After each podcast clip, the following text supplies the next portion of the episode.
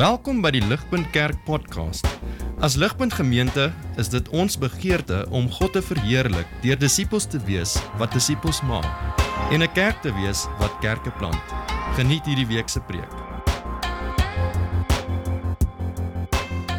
Ons al van die begin van hierdie jaar af kyk ons en ons is nou in die tweede laaste die tweede laaste week van ons reeks uh oor die Heilige Gees wat ons getitel het die geesvervulde lewe. En so dit is wat ons smag. As ons moet eerlik wees met onsself, ons smag na die geesvervulde lewe en sê God se woord vir ons dat as ons se mense wil wees wat inderdaad wil lewe verander daar buite, as ons wil ander nooi in verhouding met Jesus, dan gaan dit nodig wees vir ons om 'n geesvervulde mense te wees. So dit is wat ons in hierdie reeks na na kyk. Ek vra julle sommer nou al om daai blaadjies byderhand te hou wat julle daar het. Ons gaan kyk na 1 Tessalonisense uh hoofstuk 5 vandag. Uh in daai lang gedeelte gaan ons in daai middelste blok meeste van ons tyd vandag spandeer. Die begin is so 'n bietjie konteks wat ons al sal raak. Ons gaan kyk na vers 12 tot 22. Uh en ons gaan ons spesifieke fokuspunt gegee by die reeks is die idee van dat ek en jy nie die gees moet blus nie. So dit is wat ons op gaan fokus vandag, dat ons nie die werk van die gees en die teenwoordigheid van die gees in ons lewens moet blus nie. So kom ek bid vir ons en vra ons dat God ons nou sal genadig wees. Vader, ons kom na U toe en ons vra dat U ons sal genadig wees. Ons besef om U woord te hoor.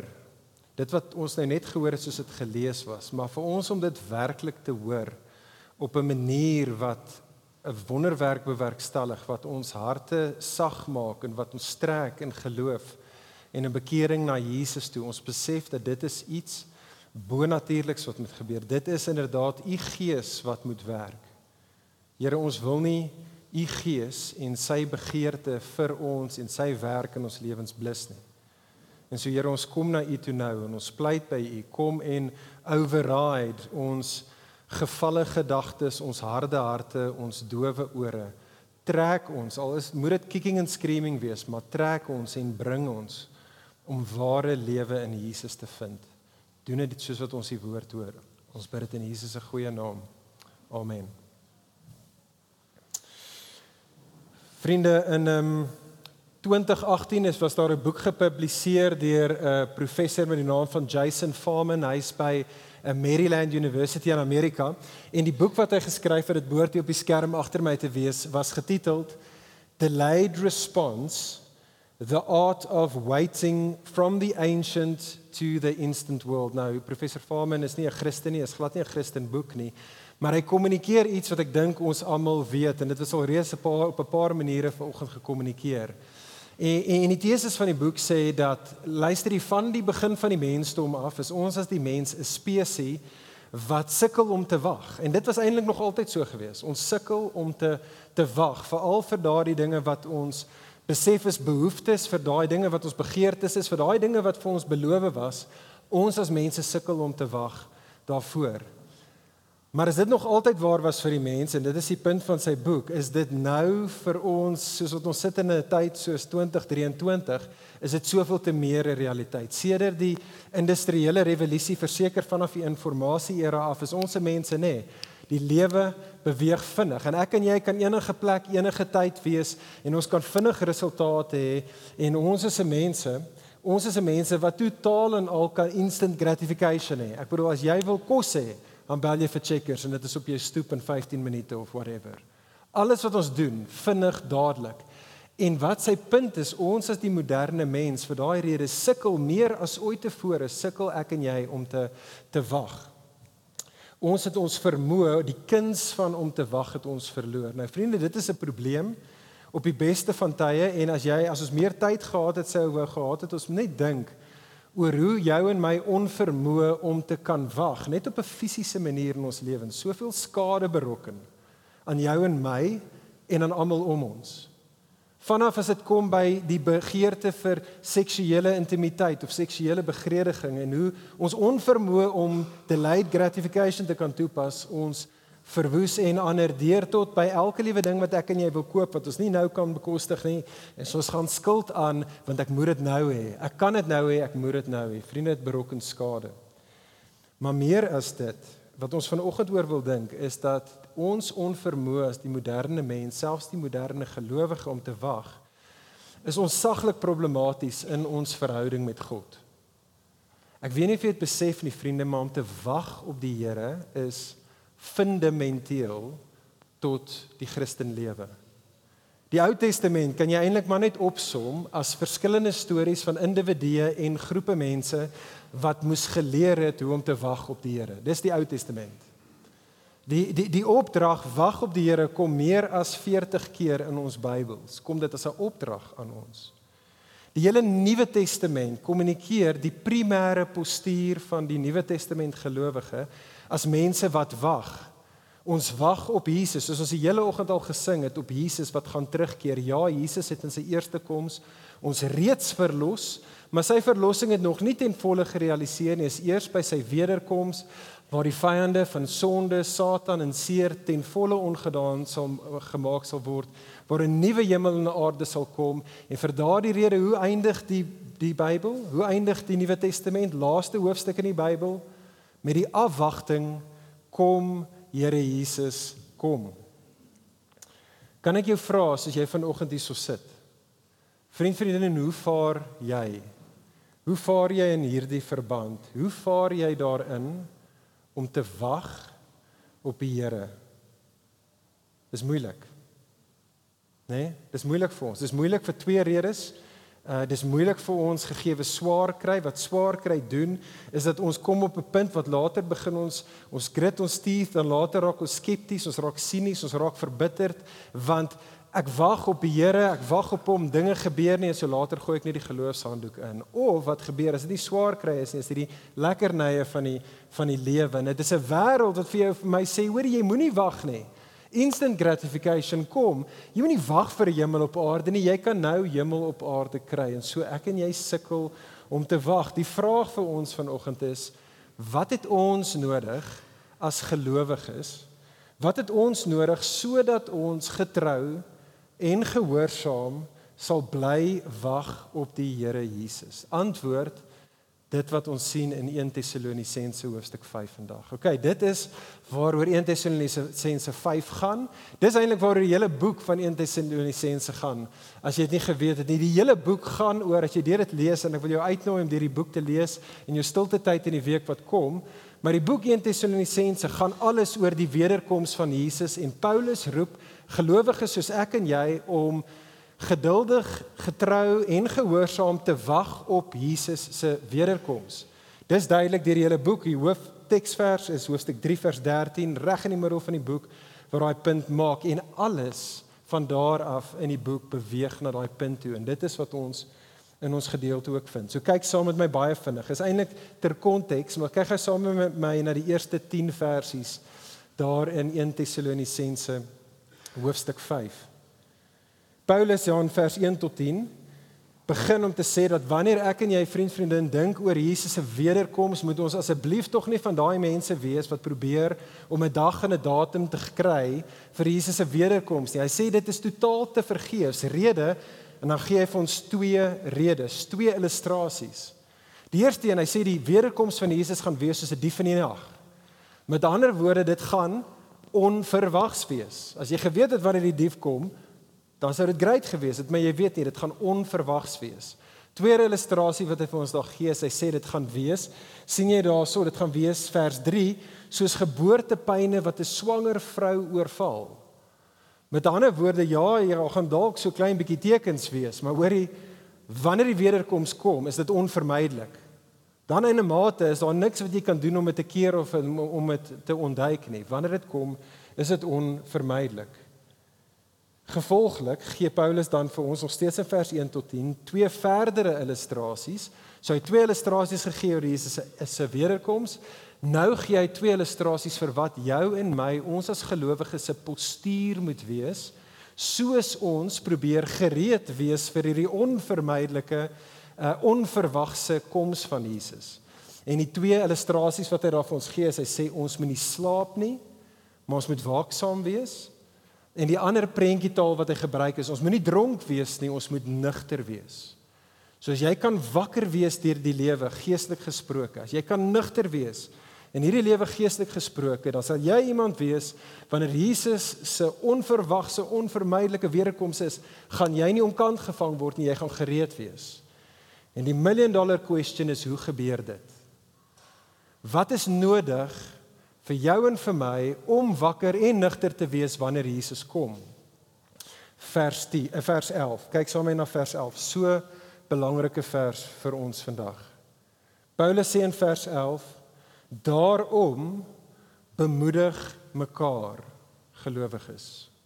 Daarom bemoedig mekaar en laat die een die ander in geloof opbou soos julle inderdaad te doen. Met ander woorde vriende, hierdie is hoe ek en jy gereed gaan wees vir Jesus se wederkoms. Dit is as ons deel is van 'n geloofsgemeenskap. Wat help nie net dit gebeur nie net magically as jy in 'n geloofsgemeenskap is nie.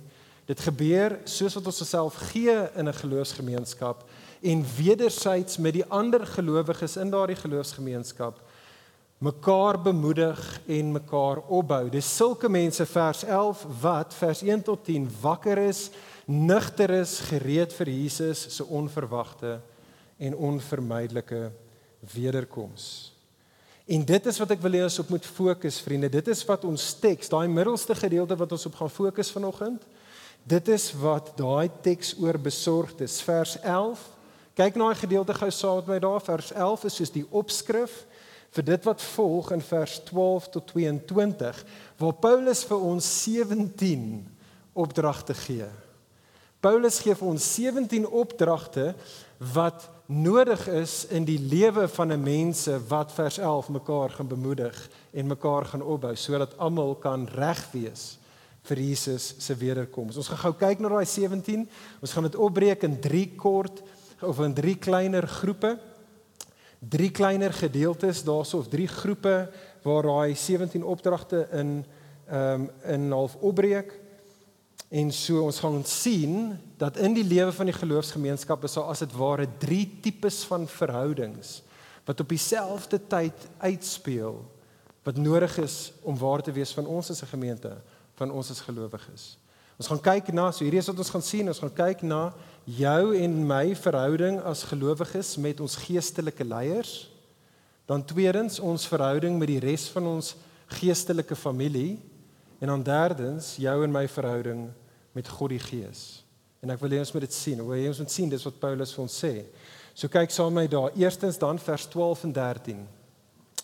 Vers 12 en 13 jou en my verhouding met ons geestelike leierskap. Sien sommer daar vers 12. In vers 12 en 13 verwys Paulus hier na hierdie groep individue in 'n plaaslike kerk. Onthou hierdie word geskryf aan 'n regte egte kerk soos ons. Paulus verwys na hierdie individue as diegene wat ywerig onder julle werk en wat julle in die naam van die Here voorgaan of die engels sê wat oor julle staan in die naam van die Here. Dit is daardie persone sê Paulus, sien julle daar in vers 12 wat julle teregwys. Met ander woorde wat julle aanspoor in julle geloof, wat julle op tye selfs aanspreek in julle geloof. En dan die twee opdragte wat hy hier gee, kyk saam met my daar, die gemeente sê Paulus word geroep om aan hierdie groep, die geestelike leiers, respek te betoon. En vers 13 in liefde en met die hoogste agting teenoor hulle die geestelike leiers op te tree. Maar hoekom? Die rede hoekom Paulus dit sê, sien jy daai gee vir ons die rede is nie omdat hier jou geestelike leiers so smart of so oulik of so spesiaal is nie. Hy sê hanteer hulle op hierdie manier op grond van hulle werk. Hulle het 'n Godgegewe taak om 'n spesifieke rol in jou lewe te vervul, naamlik vers 11 om jou op te bou in die geloof. Hulle taak is om jou aan te spoor in die geloof, om jou te bemoedig. Ehm um, ek wonder wie van julle onthou die rolprent Jerry Maguire. Het baie van julle Jerry Maguire gesien? Ek weet nie. Nee, okay, ek het dit gesien baie lank terug. Ek kan nie die fliek onthou nie behalwe die badkamer sien. Okay. Daar's daai badkamer sien waar Jerry Maguire is ehm um, natuurlik word gespeel deur Tom Cruise en hy is die sportsagent vir ehm um, Rod Tidwell. Hy is word gespeel deur Cuba Gooding Jr en hy is 'n totaal en alle moeilike arrogante voetbalspeler. En dan sal hierdie hierdie scene in die badkamer waar waar Jerry uh amper sê Jerry Springer. Ehm um, Jerry Maguire waar hy kom en waar hy vir Rod op 'n mooi manier probeer aanspreek. Of hom sê luister hier, gegee jou houding en hoe jy optree, maak jy dit moeilik. Jy jy berokken skade in jou eie lewe en almal om jou. En dan net soos jy kan verwag, kom Rotterwil dan en hy is harde kwas, hy's eie wys, hy skop daarteer en dan verloor Jerry dit in die badkamer. En hy skop sy voet so teen die muur van die badkamer en hy bekende woorde waar hy pleit by Rod en hy sê vir hom help me help you. Help me help you. En vriende dit is in effek in wese wat Paulus hierso sê vir die kerk wat hy sê vir jou en vir my hy sê vir ons ons het 'n rol om te vervul om te weet dat daar is mense wat God in ons lewens sit om ons aan te spoor om ons te bemoedig in ons geloof sodat ons sal reg wees eendag om Jesus te ontmoet en so ons moenie skop teen die werk wat hulle wil doen in ons lewens nie. Help hulle jou geestelike leiers om jou te help. Nou die ding is vriende en ek weet nie of dal jy al klaar kon gevoel het so klein bietjie hoe jy kriewelrig raak nie, maar ons lewe in 'n era dink ek meer as ooit tevore waar ons super skepties is wanneer dit kom by leierskap. Veral wanneer dit kom by geestelike leierskap. Ons almal is so vertroud met die horror stories daar buite van geestelike leiers wat in die naam van God en Christendom en Jesus besig is met seksuele losbandigheid en met bedrog en met geldgierigheid en met magsmisbruik. So ons almal is skepties daarvoor. En selfs hier in 'n in, in 'n gemeente soos Ligpunt is soos julle weet, is ons as die leiers, die ouderlinge by by Ligpunt, is ons nie sonder blaam nie.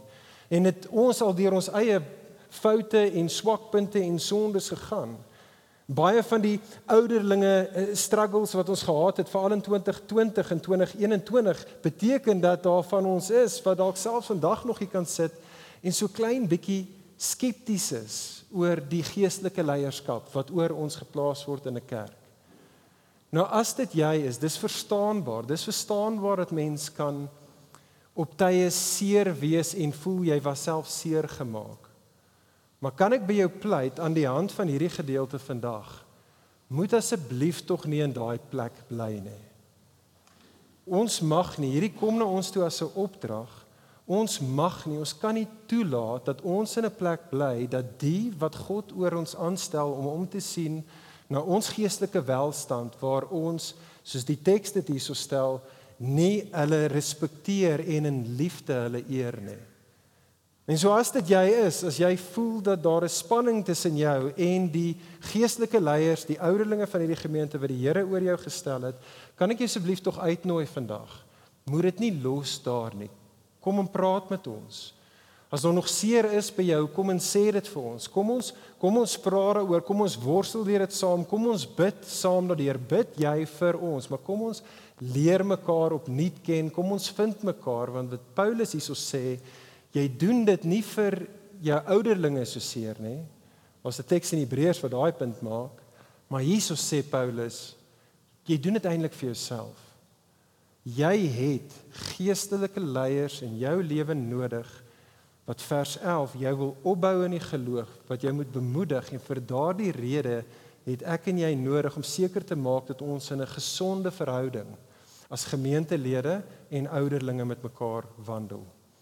Hier's die tweede groep wat wat Paulus na verwys. Kyk saam met my daarso. Hy het verwys na die geestelike leierskap. Kyk saam met my daar in vers 13 tot 15 die geestelike familie. So hy hy praat net vir hierdie ander groep. Kan jy sien daar dit dit verander nou vers 13 en in vers 15 verwys hy na mekaar, hoe ons as gelowiges in die kerk teenoor mekaar moet optree. Nou gee hy hierso ses verwante opdragte. Die eerste een in einde vers 13, kyk daar, sê Paulus vir ons leef in vrede met mekaar. Dis 'n opdrag. Wat wat nie beteken, hoorie, daar kan nooit tye van konfrontasie tussen ons wees nie. Dis nie wat dit beteken nie want kyk na die tweede opdrag vers 14.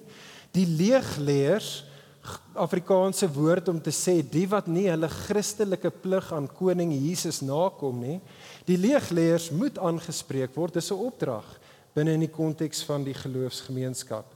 Maar dit beteken ook nie dat jy's net 'n geloofsgemeenskap wat heeltyd net almal challenge en almal heeltyd net aanspreek nie. Hy gaan verder in vers 14 en hy sê die wat moedeloos is, moet deur ons bemoedig word.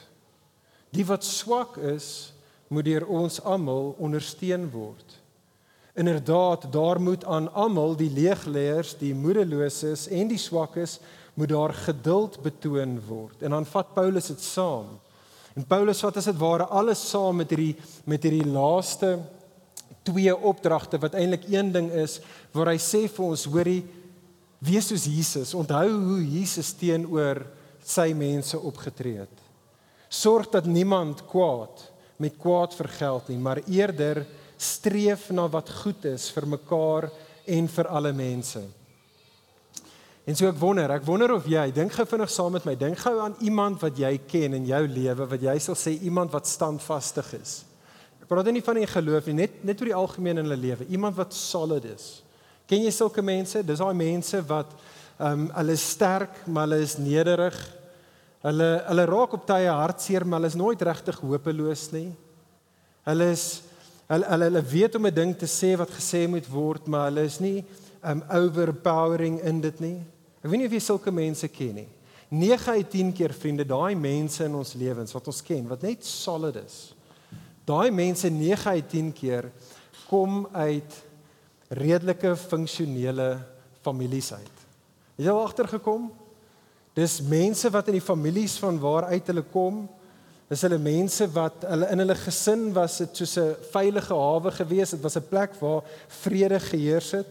Waar die ouers was nie te hard op hulle kinders nie, ook nie te sag op hulle kinders nie. In in daai in daai gesinne is is dit is dit gesinne waar daar ja op tye vermaaning is as daar leeg gelê is maar daar was tye gewees baie bemoediging, baie ondersteuning. Kwaad word nie met kwaad vergeld in sulke gesinne nie, maar die kwaad word oorkom met die goeie.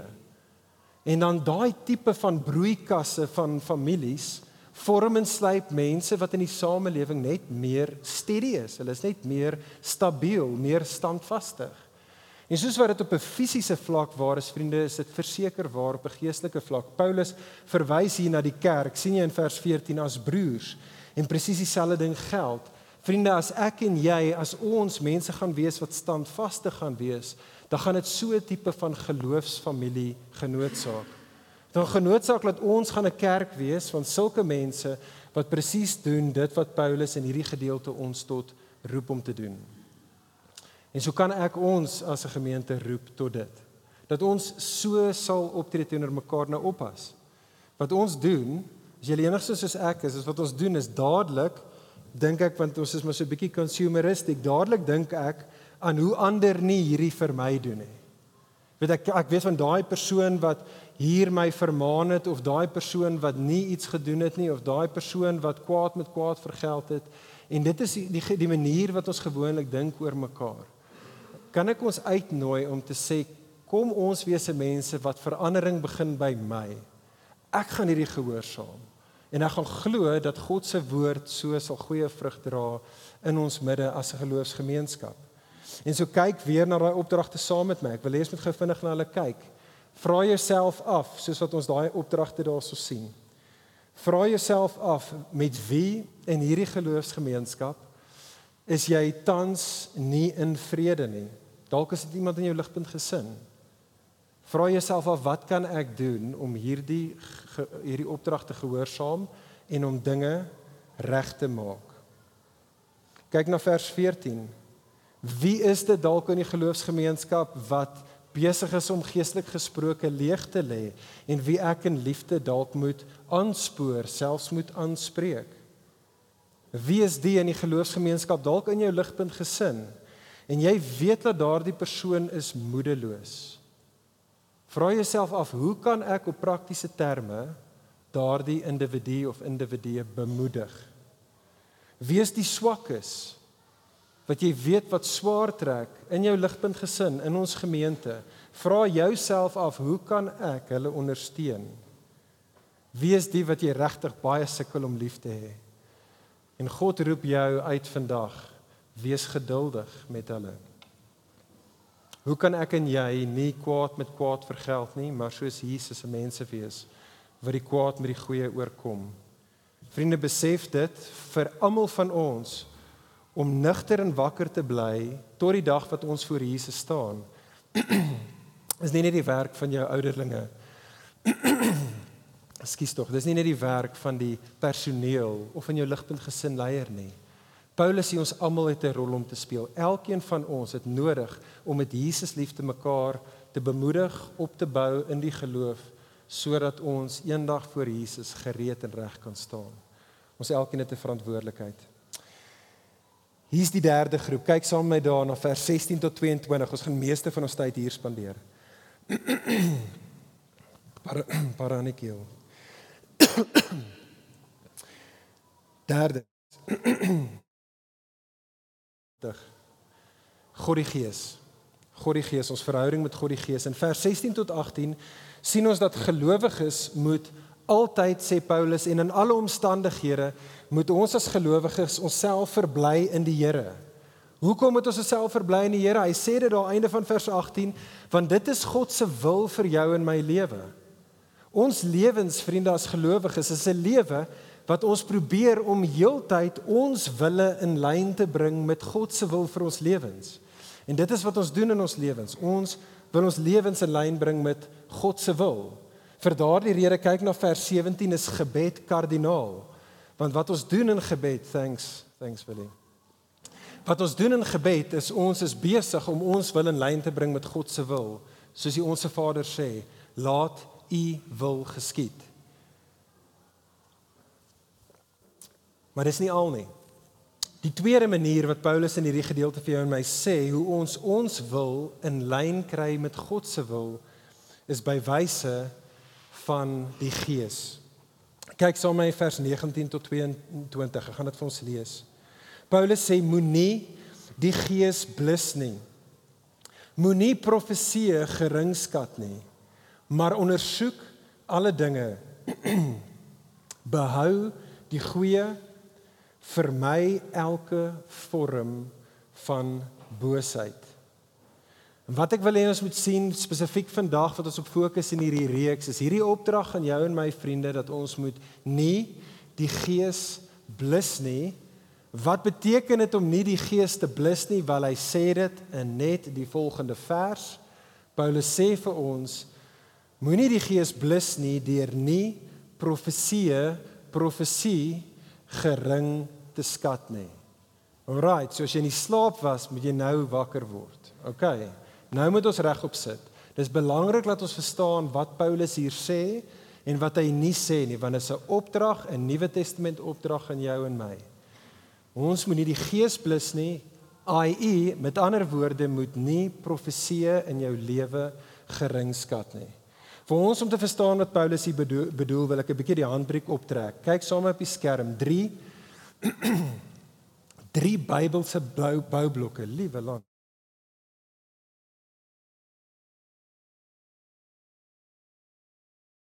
Drie Bybelse blou boublokke wat hy bedoel as hy vir ons sê om nie die gees te blus nie. Eerste ding is dit vriende, sien raak of besef saam met my dat een van die primêre beelde wat ons in die Bybel het wat aan jou en my die Heilige Gees beskryf, sy werk beskryf, is die beeld van vuur. Die ander twee bekendes in die Bybel is wind en water.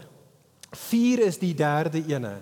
En en die punt daarvan is as jy dink aan die die die die beeld van van vuur is dat vuur aan die een kant gee vir ons hitte of dit gee vir ons warmte met ander woorde dit bied as dit ware vir ons lewenskrag wanneer ons koud is.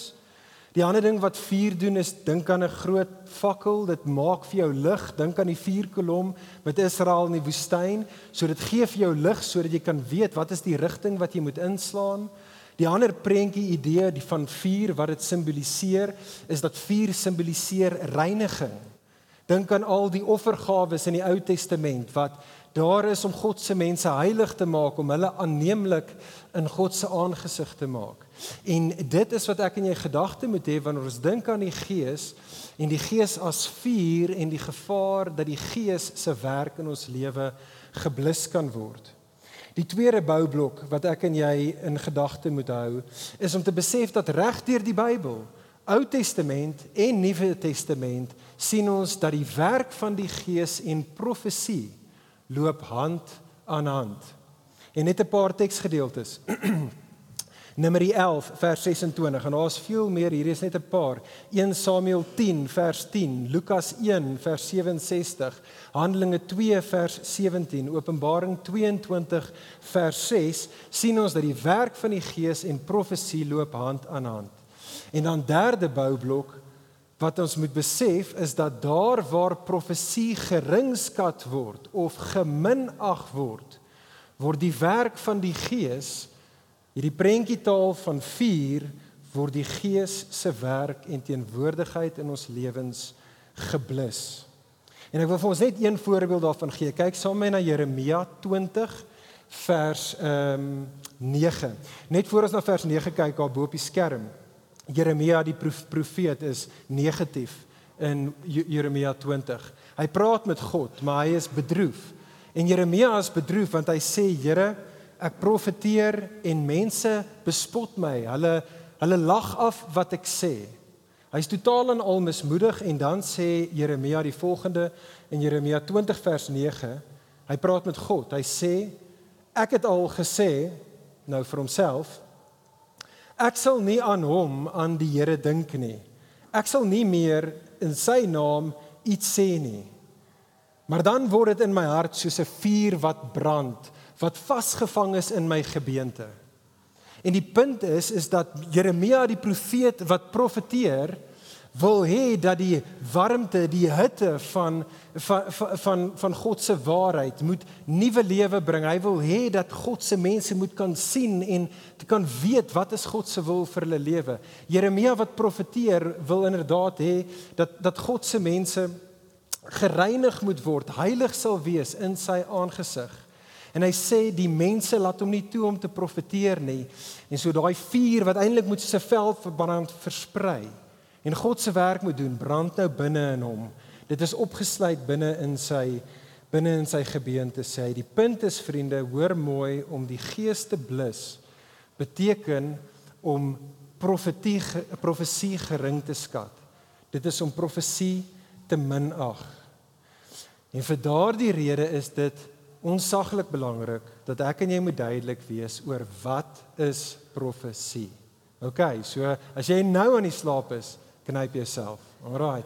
Ons het nodig om hier duidelik te wees want ons as mense is baie kere dink ek onduidelik en dit is tot die skade van onsself en ander oor wat ons verstaan met profesie en selfs Nuwe Testament profesie. So hoor mooi. Vriende, profesie in die Nuwe Testament is in wese in wese eintlik maar dieselfde as profesie in die Ou Testament. Hierdie is wat ek daarmee bedoel. In wese in die Ou Testament het God 'n mense gehad, Israel. 'n Mense wat hy gered het, verlos het uit Egipte uit, uit slawerny uit en hy bring hulle na die berg Sinaï toe. God sê vir hulle ek het julle gered, julle is my mense, ons gaan in verhouding met mekaar lewe. God gee vir hulle sy woord. Hy gee vir hulle, hy openbaar sy wil vir sy mense. En hy sê vir hulle hierdie is hoe dit gaan lyk vir ons om saam in verhouding te wees. En die werk van die Ou Testament profete was as dit ware om verbondspolisie te wees. Die profete was covenant enforcers gewees. Die werk van Ou Testament profete was in wese bloot dit Hulle het God se mense in elke generasie herinner aan die woord wat God reeds aan hulle gespreek het. Die God wat hulle re, reeds gered het. En die profete het vir hulle gesê op die makrovlak van julle as 'n nasie en in die mikrovlak van julle lewens onthou die God aan wie julle behoort. Onthou die God wat julle gered het. Onthou wat daardie God reeds vir julle gesê het oor wat reeds sy wil is. Gaan nou. Gaan lewe in die lig daarvan. Draai in geloof, draai in bekering na hierdie God. Hoe weet dit as jy dit nie doen nie, Is daar oordeel? As julle dit nie doen nie, is daar is daar oordeel, maar as julle dit doen, is dit die goeie lewe. Dit is verlossing, dis hoop, dis die goeie lewe vir God se mense.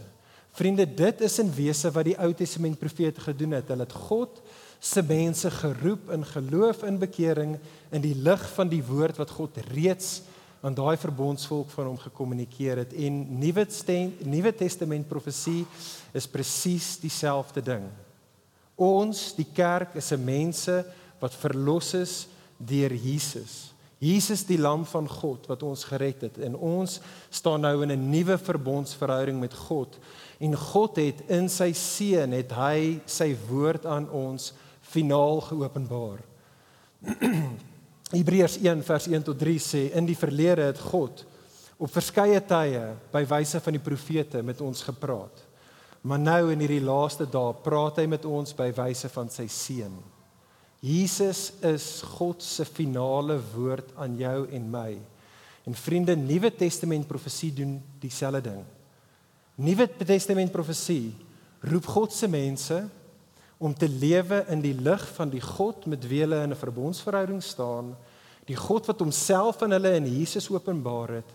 Nuwe Testament profesie in 'n makro vlak en op 'n mikro detail van jou en my lewe roep ons en dit is 'n bonatuurlike ding wat gebeur roep God se mense om in geloof en bekering te draai na hulle verbondsgod, na die Here toe.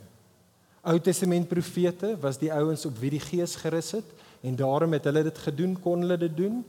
Ons volgens die Nuwe Testament is die wat nou die Gees ontvang het. Almal van ons, almal van ons het die vermoë om te profeteer, om mekaar tot geloof en bekering te roep in Jesus. Wat beteken dit vir ons as ons vandag hierso sit? Wat dit beteken vriende is dat almal van ons vermoed ek meeste van ons, nie almal nie, maar meeste van ons is geneig om aan een kant van die spreekwoordelike perd af te val. Vir party van ons wat dalk kom 'n klein bietjie meer uit 'n geloofstradisie wat baie groot op profesie is, waar so sê die Here heeltemal te veel kere gebruik was, het ons nodig om te besef dat Nuwe Testament profesie is ons wat nie 'n nuwe woord per se bring vir iemand nie, maar ons wat mense herinner aan die woord wat reeds gespreek is en wat mense roep om in geloof en bekering te draai na Jesus. En vir meeste van ons dink ek wat dalk uit 'n geloofstradisie uitkom waar ons net soos in glad nie 'n kategorie het op die beste van tye vir Nuwe Testament profesie nie, het ons nodig om besigheid te doen met tekste soos hierdie in die Nuwe Testament wat baie duidelik maak baie duidelik maak dat daar is iets soos profesie in die Nuwe Testament. Die opdrag vir jou en vir my is moenie die gees blus nie. Moenie profesie geringskat nie. Julle sien vriende, ek dink profesie gebeur eintlik baie in ons midde. En ek en jy het net nie die kategorie om dit te spot vir wat dit is nie en ons moet dalk die taal beter gebruik met mekaar. Profesie gebeur partykeere in party gedeeltes van prediking hiervoor wanneer ons herinner word aan God se openbaring in sy seun Jesus en wanneer ook al die prediker vir jou en vir my roep tot geloof en bekering en baie keer dan sit jy sit ons hier en dan voel ons ek is seker die Here praat nou met my in hierdie situasie. Daar's geen manier dat die prediker wat nou my op daardie manier geroep het tot geloof en bekering 'n idee het wat in my lewe eintlik aan die gang is nie. En dit slaan jou tussen die oë Vriend, vriendin, ek is oortuig dis profesie. En wat hierdie gedeelte vir ons sê is moet dit nie geringskat nie. Moenie die werk van die Gees in jou lewe blus nie. Ek dink dit gebeur baie kere in ons ligpunt gesinne wanneer ons om God se woord bymekaar kom. En ons kom en ons doen Bybelstudie saam en ons word herinner aan God se openbaring wat hy in Jesus vir ons gedoen het, wat sy wil vir ons is en iemand in die groep sê iets en hulle praat en jy voel vir jou heilige siel is dit presies wat die Here vir jou vandag wil sê. Hulle is besig om jou terug te bring, jou terug te roep na die woord wat God reeds gespreek het. Vriende, ek glo dat daai is profesie. Moenie die werk van die Gees in jou lewe blus nie. Ek dink dit gebeur baie keer as jy met 'n vriend vriendin in 'n koffieshop sit of dalk is dit ouer en kind en baie keer is dit die kind met die ouer En baie keer praat julle met mekaar en julle praat en julle herinner mekaar aan die realiteit van Jesus en wat dit beteken om 'n disipel van hom te wees en jy weet. Jy weet dit wat nou hier uit die mond van die suigeling uitkom is totaal en al 'n woord van die Here af. Waar hy jou herinner aan jou verbondsverhouding met met hom. En ek wil jou uitnooi vriend vriendin moet nie die gees dan blus nie. Moenie daardie profeseë geringskat in jou en my lewe nie. Besef dit. Besef dit dit is hoekom ons 'n kerkgemeenskap nodig het. Jy het geestelike leiers nodig en jy het 'n geloofsgemeenskap nodig vers 11. Wat by wyse van profesie jou en my gaan bemoedig en gaan opbou sodat ek en jy in geloof en bekering na Jesus toe kan draai sodat ek en jy kan nugter en wakker bly soos ons deur die lewe gaan sodat eendag wanneer ons voor Jesus staan ons is reg om Jesus te ontmoet. Want ons het nie die werk van die gees deur my broers en susters in my lewe uh, het ek het ek het ek nie afgelag nie. Nou jy mag dalk hier so sit en jy mag dalk sê maar hoorie so kan dit nie misbruik word. Kan dit nie misbruik word as ons begin links en reg vir mekaar quote on quote profeteer nie? Die antwoord is ja, dit kan misbruik word. Net soos wat Ou Testament profesie misbruik kon word. Dit is so. Dit kan inderdaad misbruik word. Maar die opdrag hierso bly steeds staan en so Paulus gee vir ons checks and balances om seker te maak dat dit so min as moontlik misbruik word of nie misbruik word nie. Vers 21 sê hy vir ons ondersoek alle dinge. Met ander woorde as as iemand jou roep tot geloof en bekering in Jesus, wat doen jy eerste ding? Jy gaan terug na God se woord toe. Jy kyk wat sê God se woord. OK, so dit is wat jy ondersoek. Maar dan selfs dit kan in 'n mate misbruik word. So dan gaan kyk jy wat het kerkgeskiedenis vir die laaste 2000 jaar gesê. Hoe het hulle God se woord geïnterpreteer? Die wat God se gees het. En dit sal jou en my baie baie help wanneer mense ons roep tot geloof en bekering. En dan derdens wat jy doen as iemand jou roep tot God se woord en dit is in lyn met wat die kerk nog altyd vir 2000 jaar gesê het, dan gaan jy na jou broers en jou susters toe. Jy gaan na medegelowiges toe wat jy weet vir jou lief is. En jy weet hulle is lief vir Jesus. En dan gaan jy na hulle toe en sê vir hulle So en so roep my tot geloof en bekering. Hoor ek reg? Dink jy ook hierdie is iets wat ek moet hoor? Ons moet nie soos Rotterdam wees nie. Ons het nodig om te luister na mekaar. En dan wat ons doen, laastens vers 21 en 22, dan op die einde van die dag dan behou ons die goeie en ons vermy elke vorm van boosheid. Die boosheid is nie alles wat jy nie van hou nie. Dis nie alles wat dalk nie vir jou lekker is wat jy hoor van af jou medegelowiges af nie.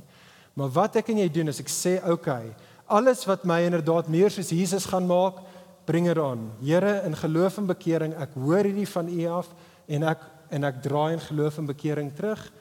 En hierdie ander goeders wat my hierdie is nie behulpsaam nie, dit gaan my nie meer soos Jesus maak nie. Wel, ons vermy elke vorm van die boosheid. Vriende, ek sluit af. Hierdie is die groot boodskap van 1 Tessalonisense hoofstuk 5. Ons het mekaar nodig. Dis die groot boodskap. Vir jou en vir my om eendag gereed te wees, reg te wees wanneer ons voor Jesus gaan staan, vir jou en vir my om te kan wag op Jesus, kan ek en jy nie op ons eie doen nie. Ons het medegelowiges nodig, geestelike leiers en 'n geloofsfamilie wat ons gaan opbou en ons gaan aanspoor en ons gaan bemoedig in die geloof en hulle gaan dit doen soos wat hulle ons terugroep in geloof en bekering soos wat hulle by wyse van die gees ons gaan roep om te bly wandel saam met Jesus. Prys die Here ons het mekaar en hier is die goeie nuus. Hier's die hier's die goeie nuus vriende. Daar gaan tye wees wanneer jou geestelike leiers en die res van jou geestelike familie die bal gaan drop. Daar gaan tye wees wanneer hulle dit verkeerd gaan hoor. Daar's kere wat hulle jou nie in liefde gaan hanteer nie. Daar's kere wat hulle net gaan stupid wees en simpel gaan wees. Daar's kere wanneer hulle jou gaan teleurstel. Maar weet dit, selfs dan gaan jou hemelse Vader jou nooit ooit teleurstel nie. Hy sal jou aanhou behoed. Hy gaan jou aanhou bewaar tot daardie dag wanneer jy uiteindelik voor Jesus staan, reg en gereed om Jesus te ontmoet. En so ek sluit af met Paulus se woorde in vers 23 en 24. Ek gaan net lees, ek gaan nie praat nie, ek gaan dit net lees. Dis so ek afsluit. Dis hoe hy sy brief afsluit, dis hoe hy hierdie hoofstuk afsluit. Dis hoe ek wil afsluit. Dis 'n gebed vir jou en vir my. Paulus sê vir sulke mense, vir ons. Hy sê en mag God self die God van vrede julle in elke opsig heilig maak. En mag julle volledig na gees en siel en liggaam vlekkeloos bewaar word tot ons Here Jesus Christus kom. Hy wat julle roep, God self is getrou. Hy sal dit doen. Hy sal dit doen. Kom ons bid saam.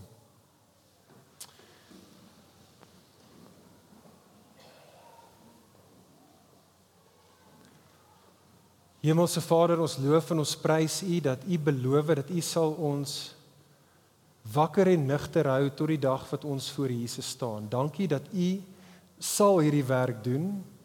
U sal ons laat staande bly. Ons kom nou en ons kom rus daarin. Maar ons dank U ook Here dat een van die primêre maniere wat U dit gaan doen is deur hierdie broers en susters in hierdie geloofsgemeenskap wat U aan ons aan mekaar gegee het. Here, ek bid vir elkeen van ons dat ons se mense sal wees wat sal toelaat dat ons broers en ons susters ons bemoedig en ons opbou. Here, ek bid dat U ons so mense sal maak. Here, kom, ons sien uit om daai dag voor U te staan. Ons smag na die nuwe hemel en die nuwe aarde. Ons wil sê saam met die gelowiges van ouds, kom Here Jesus kom. Amen.